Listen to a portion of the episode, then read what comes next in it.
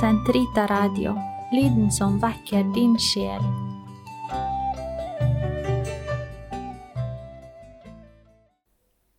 Den katolske kirkes katekisme, uke 21, mandag, paragraf 331 til 336. Kristus med alle sine engler. Kristus er midtpunktet i engleverdenen. De er hans engler. Men når menneskesønnen kommer i guddomsglans, omgitt av alle sine engler, Matteus 25, 31.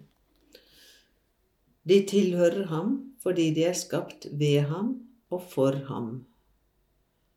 For i ham var det alt ble skapt, i himmelen og på jorden, de synlige som de usynlige ting, om det så er tronende vesener eller herskere, makter eller myndigheter. Ved ham og for ham er alt blitt til. Kolosserne 1,16. De tilhører ham enda mer fordi han har gjort dem til budbærere om sitt råd til frelse. Er de ikke alle sammen ånder i Guds tjeneste, utsendt for å bistå dem som skal motta frelsen? Hebreerne 1,14. Allerede i skapelsen og gjennom hele frelsens historie er de til stede og forkynner denne frelsen langt borte fra, eller fra det nære. Englene tjener fullbyrdelsen av Guds plan. De stenger veien til det jordiske paradis. De beskytter Lot. De berger Hagar og barnet hennes. De holder Abrahams hånd tilbake. Loven mottas av englers hender. De fører Guds folk. De kunngjør fødsler og kallelser. De går profetene til hånde, for bare å nevne noen eksempler. Til sist er det engelen Gabriel som forkynner forløperens og Jesu egen fødsel. Det menneskevordne ords liv omgis av englers, englers tilbedelse og tjeneste fra fødsel til himmelfart. Når Gud fører sin førstefødte inn i verden, sier han, alle Guds engler skal tilbe ham. Hebreerne 1,6. Deres lovprisning ved Kristi fødsel har uten opphør gitt gjenklang i kirkens lovsang Ære være Gud. De beskytter Jesus som barn.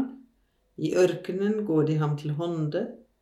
De styrker ham i hans angst, selv når de kunne ha berget ham ut av fiendenes hender, på samme måte som Israel i fordums dager. Det er en engel som forkynner en stor glede ved å forkynne inkarnasjonens glade budskap på samme måte som Kristi oppstandelse. Det er med når Kristus kommer tilbake, slik de forkynte, og tjener ham når han dømmer verden. Englene i kirkens liv I påvente av dommens dag nyter kirkens liv godt av englers skjulte og mektige hjelp. I liturgien blandes kirkens og englenes røst i tilbedelsen av den tre ganger hellige Gud. Den påkaller deres hjelp, som for eksempel i bønnen Supplices te rogamus i den romerske kanon, eller i In paradisum deductant te angeli i liturgien for de avdøde eller i den bysantinske liturgis kjerubiske hymne.